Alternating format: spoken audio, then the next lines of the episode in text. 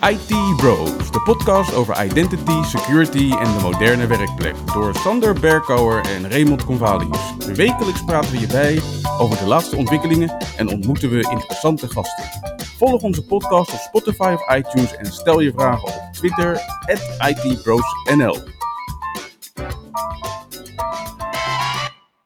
Ik ben Raymond Convalius. En mijn naam is Sander Berkouwer.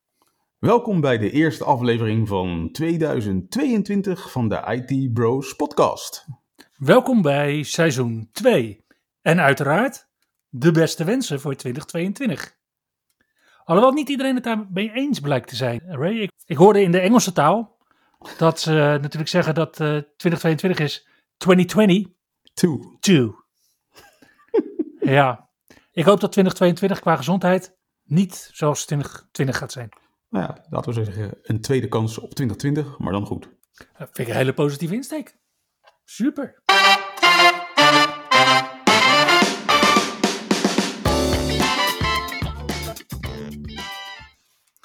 En toch hè, toch weerhoudt het ons niet om op een sombere noot te beginnen dit seizoen. Tja, we nemen afscheid van een icoon. Een voormalig marktleider zelfs. Ja, inderdaad. BlackBerry is niet meer. Althans, BlackBerry OS en BlackBerry 10 zijn per 4 januari gestopt. De servers zijn uitgezet. En dat betekent dat mensen die nog steeds verknocht zijn aan deze apparaten, nu best wel een groot probleem hebben. Ja. En dat terwijl ik me nog kan herinneren een paar jaar geleden, dat als het echt veilig moest, dat je dan een BlackBerry nam. Ja, en dat iedere huis, tuin en keukengebruiker ping gebruikte om zijn berichtjes mee te versturen. Ja, vooral keukengebruikers. Ja. ik heb nooit meegedaan, maar ja, goed, voordat er WhatsApp was, was er dus ping. En uh, voor de mensen die daaraan verknocht waren, het is er niet meer. Nee, iedereen gebruikt eigenlijk uh, WhatsApp. Ja. Of als ze wat meer privacy-minded zijn, Signal of Telegram. Dan het goede nieuws is dat uh, Microsoft gewoon door is gegaan met Windows 11. Ik dacht dat de meeste mensen van op vakantie zouden zijn daar. Nee, nee, nee. De vakantie is alweer voorbij. De nieuwe insider build van Windows 11 is zelfs weer uit in de dev channel. Namelijk build 22.526 is zojuist gereleased. Met uh, een paar nieuwe features. Onder andere is Microsoft aan het experimenteren met de Alt-Tab functionaliteit. Om te kijken of ze dat in een window kunnen stoppen in plaats van dat ze dat fullscreen gaan doen. Dus sommige insiders krijgen nu de nieuwe Alt-Tab experience voorgeschoteld. Mm -hmm. En als je zegt Alt-Tab, dan bedoel je dan Alt-Tab of bedoel je dan Win-Tab? Er staat in de release notes staat er Alt-Tab. Maar Alt-Tab was toch gewoon die balk die je ziet, gewoon over je scherm heen met de Windows. En Windows-Tab was dan daadwerkelijk echt dat het uh, schermvullend was en zelfs uh, extra meuk op je scherm. Ja, bij mij is Alt-Tab, dan zie ik al mijn Windows, zeg maar, uh, over het hele scherm verdeeld. En dan kan ik uitkiezen welk venster ik wil gaan zien als volgende scherm. En wat doet Windows-Tab dan bij jou? Het verschil is niet eens zo heel groot hoor. Alt-Tab, dan zie ik zeg maar al die Windows naast elkaar. Mm -hmm. En als ik Windows stap doe, dan zie ik ook al die Windows naast elkaar. Alleen dan verschijnt onder in beeld de optie om een andere desktop te kiezen. Oh, Oké. Okay. Dus uh, ja, er zit nog wel enig verschil in.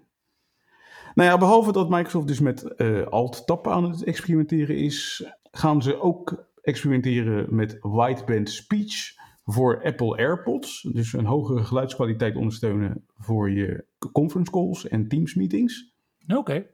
Daarnaast heeft Microsoft besloten om Credential Guard voortaan default aan te zetten voor Enterprise Joint Windows 11 devices. Dus voor Active Directory Joint uh, Windows 11 apparaten?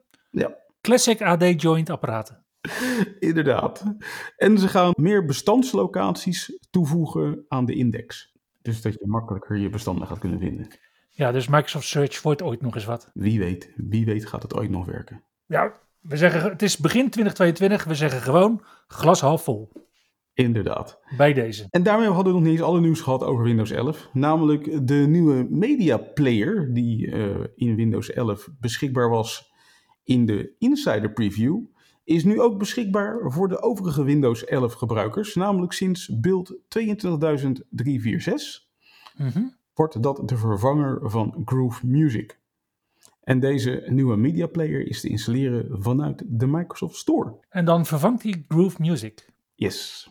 Oké. En uiteraard eh, draait uh, de geruchtenmachine volop over wat er gaat gebeuren met Windows 11 het komende jaar. Nou ja, uiteraard verwachten we deze zomer build 22H2 van Windows 11. En die gaat door met de codename Sun Valley 2. Een beetje een verwijzing naar wat eerst Threshold 2 was in Windows 10. Ja. En voor Sun Valley 2 verwachten we dus dat Microsoft er alle features in gaat stoppen die het niet gered hebben voor de eerste release van Windows 11. Dus uh, alle foutjes worden eruit gehaald en alle dingen die eigenlijk al klaar waren, maar toch nog niet helemaal, die worden alsnog toegevoegd. Net zoals we bij Windows 10 deden met versie 15.11 eigenlijk. Ja, precies. En waar, en waar gaan we dan heen? Ik denk dat ik even een poeltje maak. Ik zet mijn geld uh, op uh, Bluestone. Of Blue Rock, misschien zelfs wel. Hoezo Blue Rock? In Windows 10 gingen we van Threshold naar Redstone. Dus ja, eens kijken waar we nu terechtkomen. Zit wat in. Nou ja, verder verwachten we een sterke focus van Microsoft op de ARM-processoren. En er schijnt een nieuwe devkit aan te komen met een Qualcomm 8X Gen 3 CPU. Dus uh, wie weet wordt het ooit nog wat met uh, Windows on ARM. Ja, ik denk het wel. Ik denk dat Apple daar de weg aan het plaveien is. En dat we toch eindelijk nu inderdaad van x86 gaan afstappen. Wie weet. Nou, het jaar begon wel weer met een klapper voor Microsoft, hè? Ja. Ja, als je nu als beheerder nog Exchange Server on-premises beheert, dan was het toch niet zo heel fijn naar je werk gaan afgelopen maandag. Omdat je dan waarschijnlijk tot de conclusie kwam, tenminste, als je de Microsoft anti-malware oplossing op je Exchange servers draaide, dat de mailflow al eigenlijk sinds middernacht op 1 januari niet meer aanwezig was. Dus er kwamen geen mailtjes binnen en er gingen geen mailtjes uit. Daar kunnen we een heel technisch verhaal ophangen. Dus dat doen we ook. De versie van die scan engine die werd opgeslagen in een, uh, in een veld. Wat was aangeduid als int32. En dat betekent dat je daar een maximale waarde in kan zetten. En wat Microsoft heeft gedaan met die scan engine versie. Is dat ze dat zijn begonnen met uh, de datum. En datums in 2021 vielen nog in het bereik. En datums die begonnen met 2022 vielen niet meer in het bereik. En dat betekent dat de versie niet kon worden achterhaald. En dat betekent dat de scan engine niet kon worden opgestart. En dat betekende dat er dus geen mailflow was.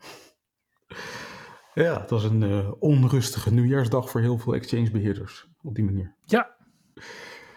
Nu heeft Google ook wat nieuws bedacht, namelijk Chrome versie 97. En die hebben ze uitgebracht op 4 januari, jongsleden. En in Chrome versie 97 worden in ieder geval 37 security issues gefixt. Die door externe security researchers zijn aangeleverd aan Google.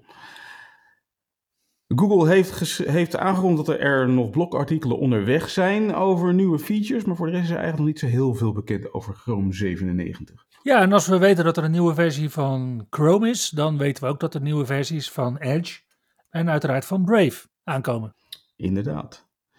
En daarmee hebben we nog niet alle nieuws gehad van Google, want Google is ook bezig geweest met Android. We hebben het er al even over gehad. Er was een probleempje met Android in combinatie met de Teams client. Mm Waardoor er een, um, ja, een blokkade ontstond op het bellen van 112.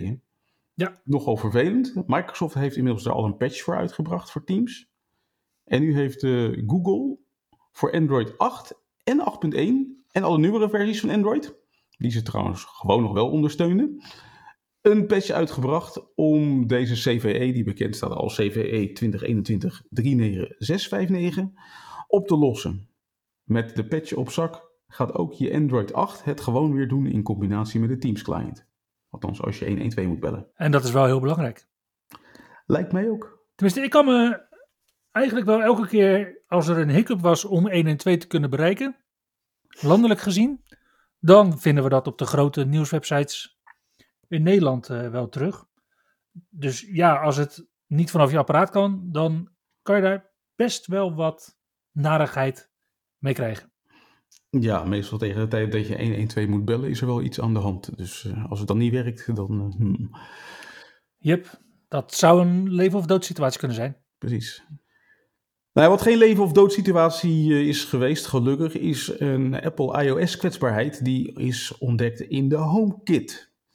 En die kan worden uitgebuit met een exploit die is genaamd DoorLock.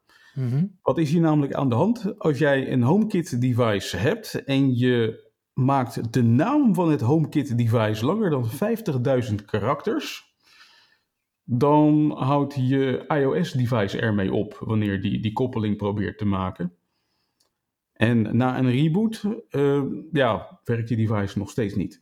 Het schijnt zelfs zo te zijn dat als je dan een backup hebt van je device en je zet de backup terug, dat op het moment dat je dan connectie maakt met iCloud, dat het probleem gewoon weer keihard terugkeert. Wauw. Het issue is ontdekt door Trevor Spinolas in augustus afgelopen jaar. Die heeft dat ook netjes doorgegeven aan Apple. Alleen Apple heeft, eh, naar de zin van meneer Spinolas, niet bepaald adequaat gereageerd. De enige reactie van Apple tot nu toe was eigenlijk dat ze een limiet heeft gezet op de lengte van je HomeKit device name sinds iOS versie 15 of 15.1. Maar ja, daarmee los je natuurlijk niet uh, de problemen op voor de oudere versies van iOS. En eigenlijk is dat natuurlijk, uh, ja, de goede oplossing is natuurlijk gewoon dat een lange uh, device name niet zo'n probleem mag opleveren. Apple heeft wel aangegeven dat er een definitieve oplossing komt, maar die komt ergens early 2022. Dus ergens begin dit jaar moet Apple een, deze dagen nog met een definitieve fix komen voor dit issue. Maar Apple komt dus wel met een definitieve fix voor dit probleem. Ja. Want ik las deze week ook dat onderzoekers vanuit uh, ZecOps hm. uh, een proof of concept uh, stukje code op GitHub hebben gezet. Waarmee je het rebootproces kan verbergen op iOS. Ja, dat is wel lastig, want dat maakt het namelijk moeilijker voor de gebruiker van zo'n apparaat om het apparaat te, te herstarten. Mm En dat stelt verspreiders natuurlijk in staat om malware op een toestel te houden. En ik heb nog geen reactie gezien van Apple op dat uh, probleem. Dus maar wie weet dat ze dadelijk weer twee vliegen in één klap oplossen. Nou ja, Apple kennende reageren ze nooit op dit soort dingen. Dus uh, een van deze dagen zal er wel opeens een update beschikbaar zijn. Waarvan ze dan misschien bekendmaken dat ze iets hadden ontdekt wat ze daarmee hebben opgelost. En wellicht is dat ook dit probleem. It's magic. Yeah. Net zoals, en ik moest echt weer terugdenken aan 15, 20 jaar geleden. Dat je een cd'tje maakte en daar je malware op zette. Ja, en het, het is gewoon weer terug, mensen. En je hoeft niet eens malware op een cd te zetten.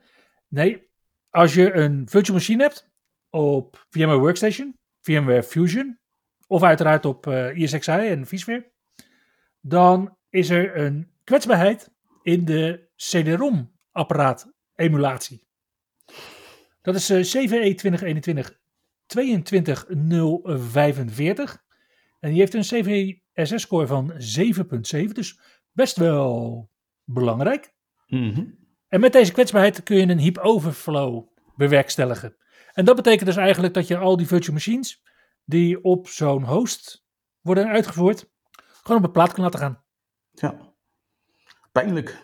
VMware heeft aangegeven dat er patches zijn en ook een hele makkelijke workaround. Namelijk gewoon de CD-ROM en DVD-apparaten in je VM's uitschakelen. Er is alleen nog geen patch voor vSphere 7. En vorige maand berichten we jullie al dat VMware een grote uitdaging heeft met vSphere 7 update 3 en ook al die downloads heeft teruggerold. Maar het blijkt nu ook dat ze, dat ze toch best wel wat uitdaging hebben met het ontwikkelen van fixes voor de 7.0 versies op dit moment. Oké, uitdaging. Ja, er zit daar iets behoorlijk knel in dat releaseproces, heb ik het idee. Hm. Nou ja, de afgelopen week stond, uh, ondanks dat het uh, vakantie was, toch nog best wel bol van het nieuws. En dan met name nieuws vanuit de CES. De Consumer Electronics Show.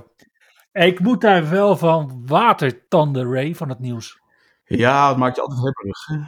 Jeetje, als je dan kijkt, die ThinkPad X1, dat is al echt een reet strak apparaat. Mhm. En die gaan ze nu ook uitbrengen vanuit Lenovo met OLED-schermen en betere webcams. Ja. Mhm. Ja, en als je zo'n ThinkPad X1 al vet vindt, ja, die XPS 13 van Dell is natuurlijk ook wel heel mooi. Ja, En die komt dadelijk met een 28 watt processor en een glazen touchpad. klinkt breekbaar. Ja, nee, ik denk dat ze daar ook wel Corning Glass eh, voor gebruiken. Maar het, eh, ik denk dat het wel beter aanvoelt dan het plastic wat we bij andere laptops eh, aanvoelen. En natuurlijk komt Lenovo ook met een nieuwe ThinkPad Z-serie laptops.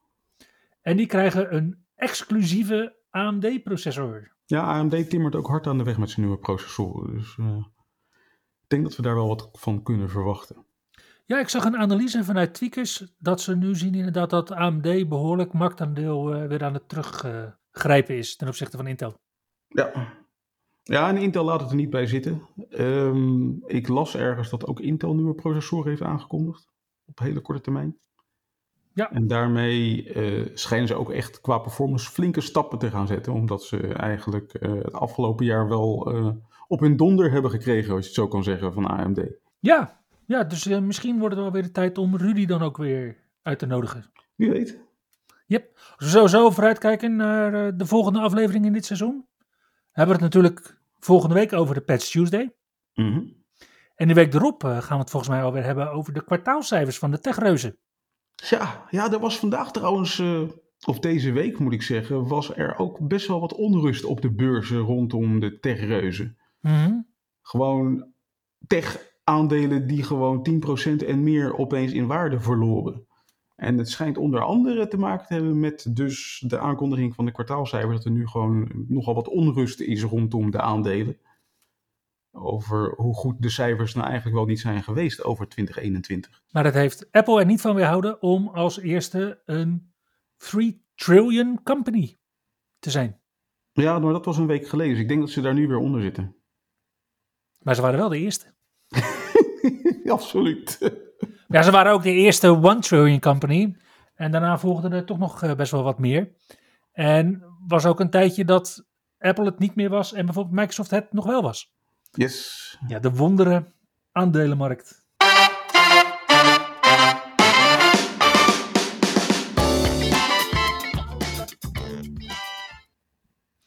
Ray, je moet me volgende keer niet zo laten schrikken, man. Sorry hoor. Ja, zit ik hier echt mijn best te doen? En wat krijg ik van jou te horen in de aanloop naar deze aflevering? Ja, er zijn helemaal geen evenementen deze week. Ja, nee, dat kan niet.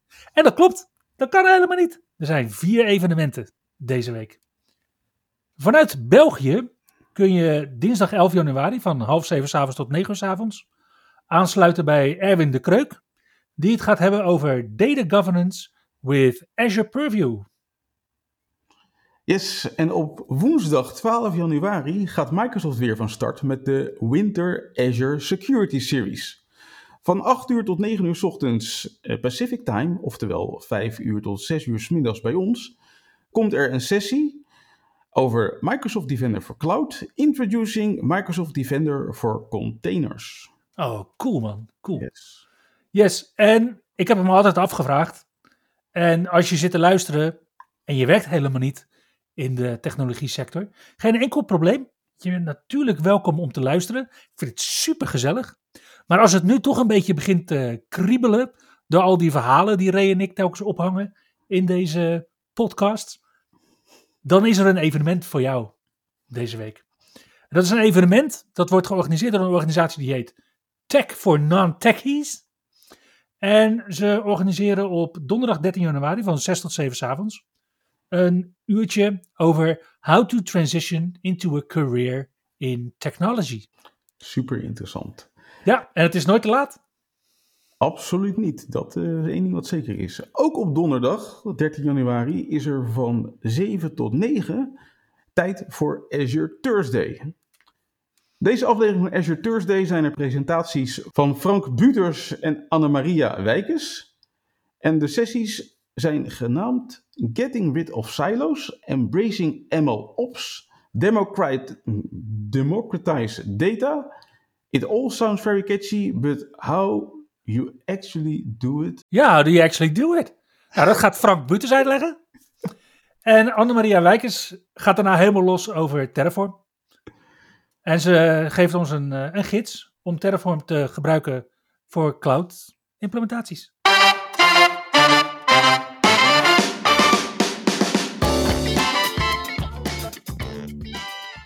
Sander, de productiviteitstip deze week is voor jou. Ja, en ik wilde het niet al te moeilijk maken deze week. En misschien ook zelfs wel een voorzetje geven voor de rest van dit seizoen. Ik wil gewoon gaan beginnen met een echte golden oldie productiviteitstip. Een van de eerste tools die ik eigenlijk op elk van mijn presentatielaptops installeer. Namelijk Zoomit vanuit Mark Rusinovich zijn SysInternal suite. Eigenlijk mag ik eigenlijk helemaal niet zeggen. Hè? Die SysInternal suite is origineel natuurlijk wel door Mark begonnen. Volgens mij zijn er heel veel andere mensen nu aan het klussen aan die suite. Uh, nu wel, maar ik denk dat Mark toch nog echt wel heel lang een stevige vinger in de pap heeft uh, gehad. Wat er in de SysInternal suite uh, gebouwd wordt en hoe het gebouwd wordt. Ja, die suite die peilt uit van allerlei handige tooltjes. En Zoomit is daar voor mij in ieder geval de belangrijkste.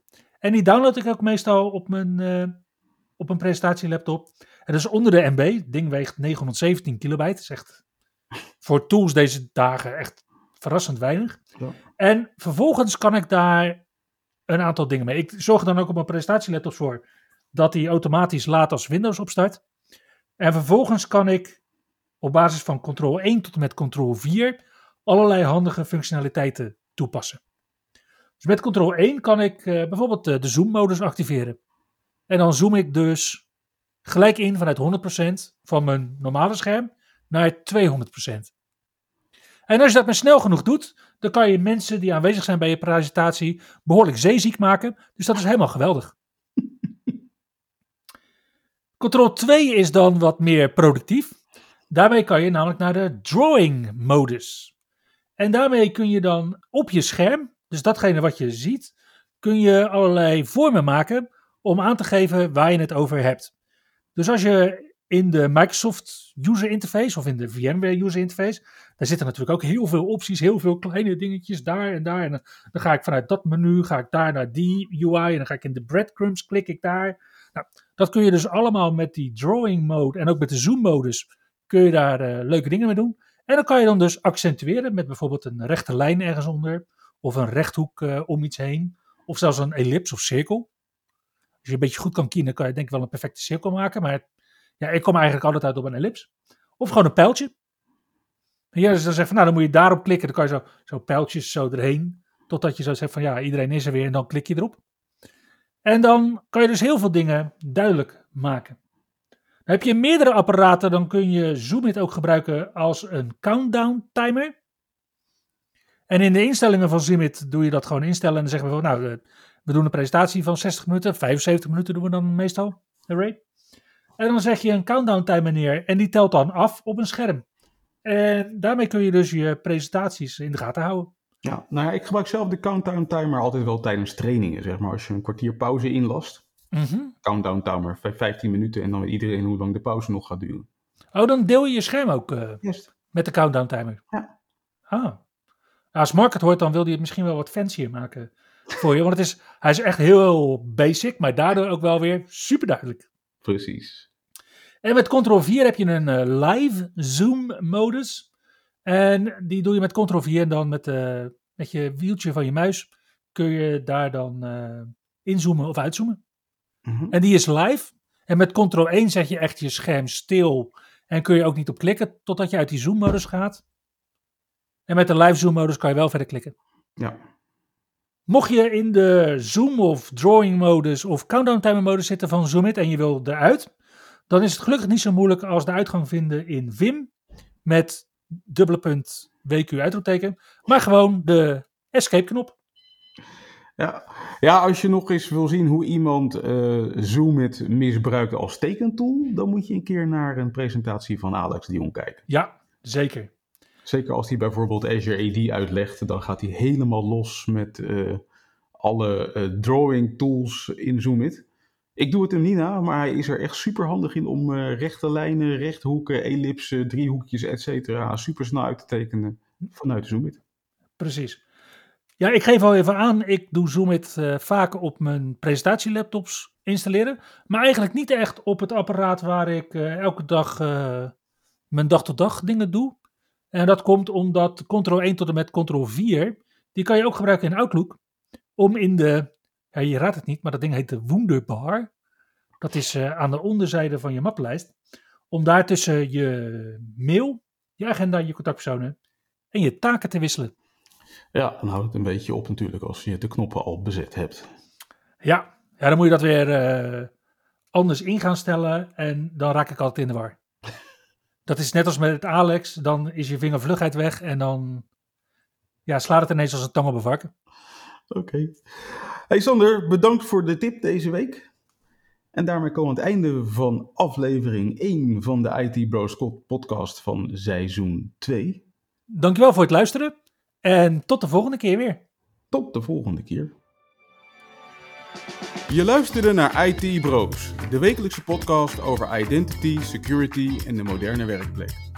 Abonneer je op Spotify, iTunes of Google Podcast als je de volgende aflevering niet wilt missen. Heb je hints of tips? Laat dan van je horen op Twitter. @itbrosnl.